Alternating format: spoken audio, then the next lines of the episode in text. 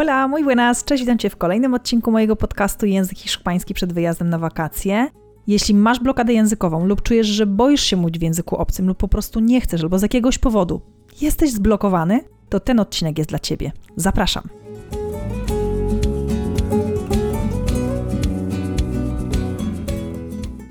Cześć, mam na imię Paulina, pomagam innym komunikować się w języku hiszpańskim. Robię to 100% online, robię to po to, abyś to ty mógł wyjechać na swoje wymarzone wakacje lub po prostu kiedyś przeprowadzić się do Hiszpanii. Stworzyłam swoją autorską metodę HOP, hiszpańskie obyczaje, proces, według której uczę języka hiszpańskiego. A teraz zabieramy się do pracy. Preparado? Preparada? Empezamos!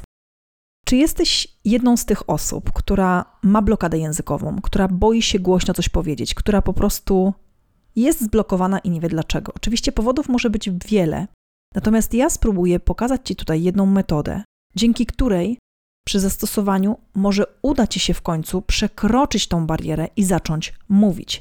Będzie to coś, co powinniśmy zrobić w ogóle zanim zaczynamy uczyć się języka obcego, tak naprawdę. Natomiast jeśli czujesz blokadę, no to musisz coś zrobić, musisz iść dalej. Nie możesz stanąć w miejscu i powiedzieć: Mam blokadę językową, nie będę mówić nic w takim razie w języku hiszpańskim czy w jakimkolwiek innym języku obcym, będę robić wszystkie inne ćwiczenia. To nie ma sensu. To nie ma sensu i nawet bym powiedziała, że w złym kierunku idziesz. Więc, żeby spróbować odblokować się, pokażę Ci tutaj taką metodę papugi, która może spowoduje, że zacznie się proces odblokowywania. Natomiast oczywiście powody zablokowania czy zblokowania e, mówienia w języku obcym mogą być różne. Ja tutaj nie będę ich diagnozować, ale po prostu pokażę Ci jedno ćwiczenie, które może ułatwić Ci właśnie podjęcie tego wysiłku mówienia w języku hiszpańskim, jak i też może być to bardzo, bardzo skuteczne dla osób, które mówią już w języku hiszpańskim, ale chcą się bardziej rozkręcić.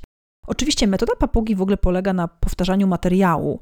E, natomiast e, oczywiście autorzy tej metody mówią, że nie ma to być bezmyślne takie powtarzanie materiału, tylko ma to być z emocjami i tak dalej. I właśnie ja też będę Cię namawiać tutaj do tego, żeby wziąć sobie jakikolwiek tekst z języka hiszpańskiego, który ktoś przeczytał po hiszpańsku, lub na przykład możesz po prostu wejść sobie na YouTube'a, znaleźć jakiegokolwiek TEDa w języku hiszpańskim, czyli wykład na TEDxie i najnormalniej w świecie popatrzeć, jak ta osoba mówi, jak wypowiada dane słowa i zacząć ją udawać, jak taka papuga.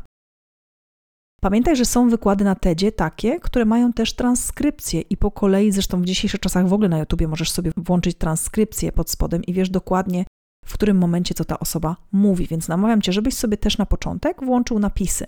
Co robimy? Postarajmy się znaleźć takie nagranie, aby widzieć twarz tej osoby, jak ona mówi, jak ona układa język, jak ona układa, jeśli oczywiście się da zobaczyć, jak ona układa usta, jak się wypowiada, jakiej ekspresji używa.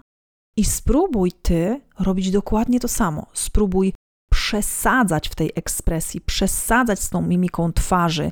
Niech to będzie wręcz nawet śmieszne. Najważniejsza informacja jest taka, że nie musisz rozumieć, co oni tam mówią. Zacznij ich po prostu udawać. Dlaczego to jest tak ważne, jak zaczynamy uczyć się języka obcego, lub dlaczego to jest tak ważne, kiedy mamy blokadę językową, dlaczego jest to tak ważne, nawet jak już mówisz w języku hiszpańskim? Zacznijmy od pytania, dlaczego to jest tak ważne, zanim zaczynasz się uczyć języka hiszpańskiego. Dlatego, że przyzwyczajasz swoje uszy, swoją głowę do tego, że ty mówisz w innym języku. No bo zauważ, twoja głowa jest przyzwyczajona do tego, że mówisz na przykład, nie wiem, codziennie po polsku albo po angielsku, bo pracujesz w tym języku. I to jest coś normalnego, tak? Twoja głowa się nie dziwi, twój mózg się nie dziwi, że nagle jest coś innego. Teraz musisz przygotować go i przyzwyczaić do tego, że będzie się działo coś nowego. Musisz przyzwyczaić też swój aparat mowy do tego, że on się będzie układać trochę inaczej. To już nie będą polskie wyrazy czy angielskie, tylko będą inne. Troszeczkę inaczej będzie się układać ten aparat mowy. Więc po pierwsze musimy przyzwyczaić samych siebie do tego, że mówimy w innym języku. Drugie, dlaczego jest to tak ważne, kiedy masz blokadę językową? Dlatego, że musisz zacząć coś robić, żeby się odblokowywać. I to ćwiczenie może być właśnie jednym z takich ćwiczeń, którego nie zrobiłeś na przykład na samym początku, i może zacznie się Twoja głowa przyzwyczaić do tego, że mówisz po hiszpańsku.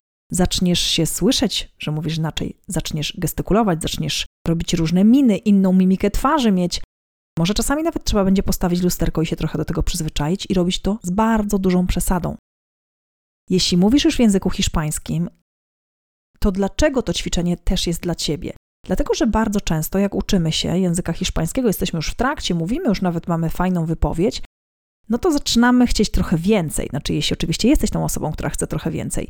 I chcemy zacząć tak trochę jak Hiszpanie. No to właśnie, żeby zacząć tak trochę jak Hiszpanie, to musimy zacząć się nimi otaczać. Więc skoro nie mieszkasz w Hiszpanii, mieszkasz w Polsce, no to możesz to zrobić dzisiaj po prostu z pozycji Twojej ręki, czyli telefonu, bo przeważnie w ręce mamy telefon.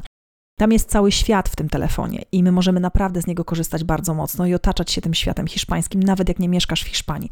Oczywiście kosztuje to trochę więcej wysiłku, ale możesz to zrobić. Więc zacznij wtapiać się w to tło hiszpańskie, zacznij patrzeć, jak inni się zachowują, jak na tym TEDzie ludzie gestykulują, mówią, jak się uśmiechają, jakie gesty robią, jakie różnego rodzaju wstawki językowe i zacznij to powtarzać. Zacznij zachowywać się właśnie tak jak osoba mówiąca w języku hiszpańskim. To jest bardzo ważne, ponieważ w Hiszpanii często, jeśli przebywasz w Hiszpanii, to po prostu się dzieje, nawet o tym nie wiesz. Po prostu przyswajasz wiele, wiele elementów, wiele gestów, wiele intonacji, będąc tam. Jeśli nie macie w Hiszpanii, to po prostu rób to tutaj.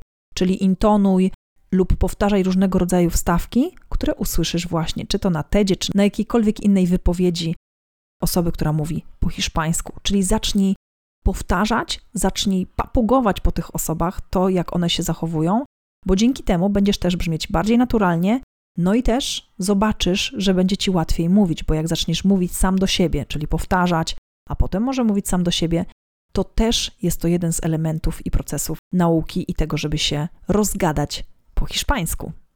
Te osoby, które są na wyższych poziomach językowych ze mną, wiedzą, że rozgadaj się to kolejne kursy po złap hiszpański za rogi i rozgadaj się jest to też element tego, żeby się właśnie rozgadać w języku hiszpańskim, bo jest to bardzo, bardzo ważne, żeby zacząć mówić płynnie i nie martwić się o to, czy popełniam błąd, czy nie, tylko po prostu nabrać takiej wprawy i swobody w mówieniu.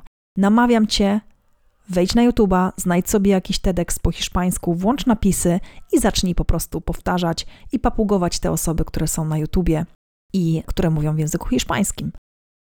Mam nadzieję, że metoda papugi przyda Ci się i zapraszam w tym tygodniu.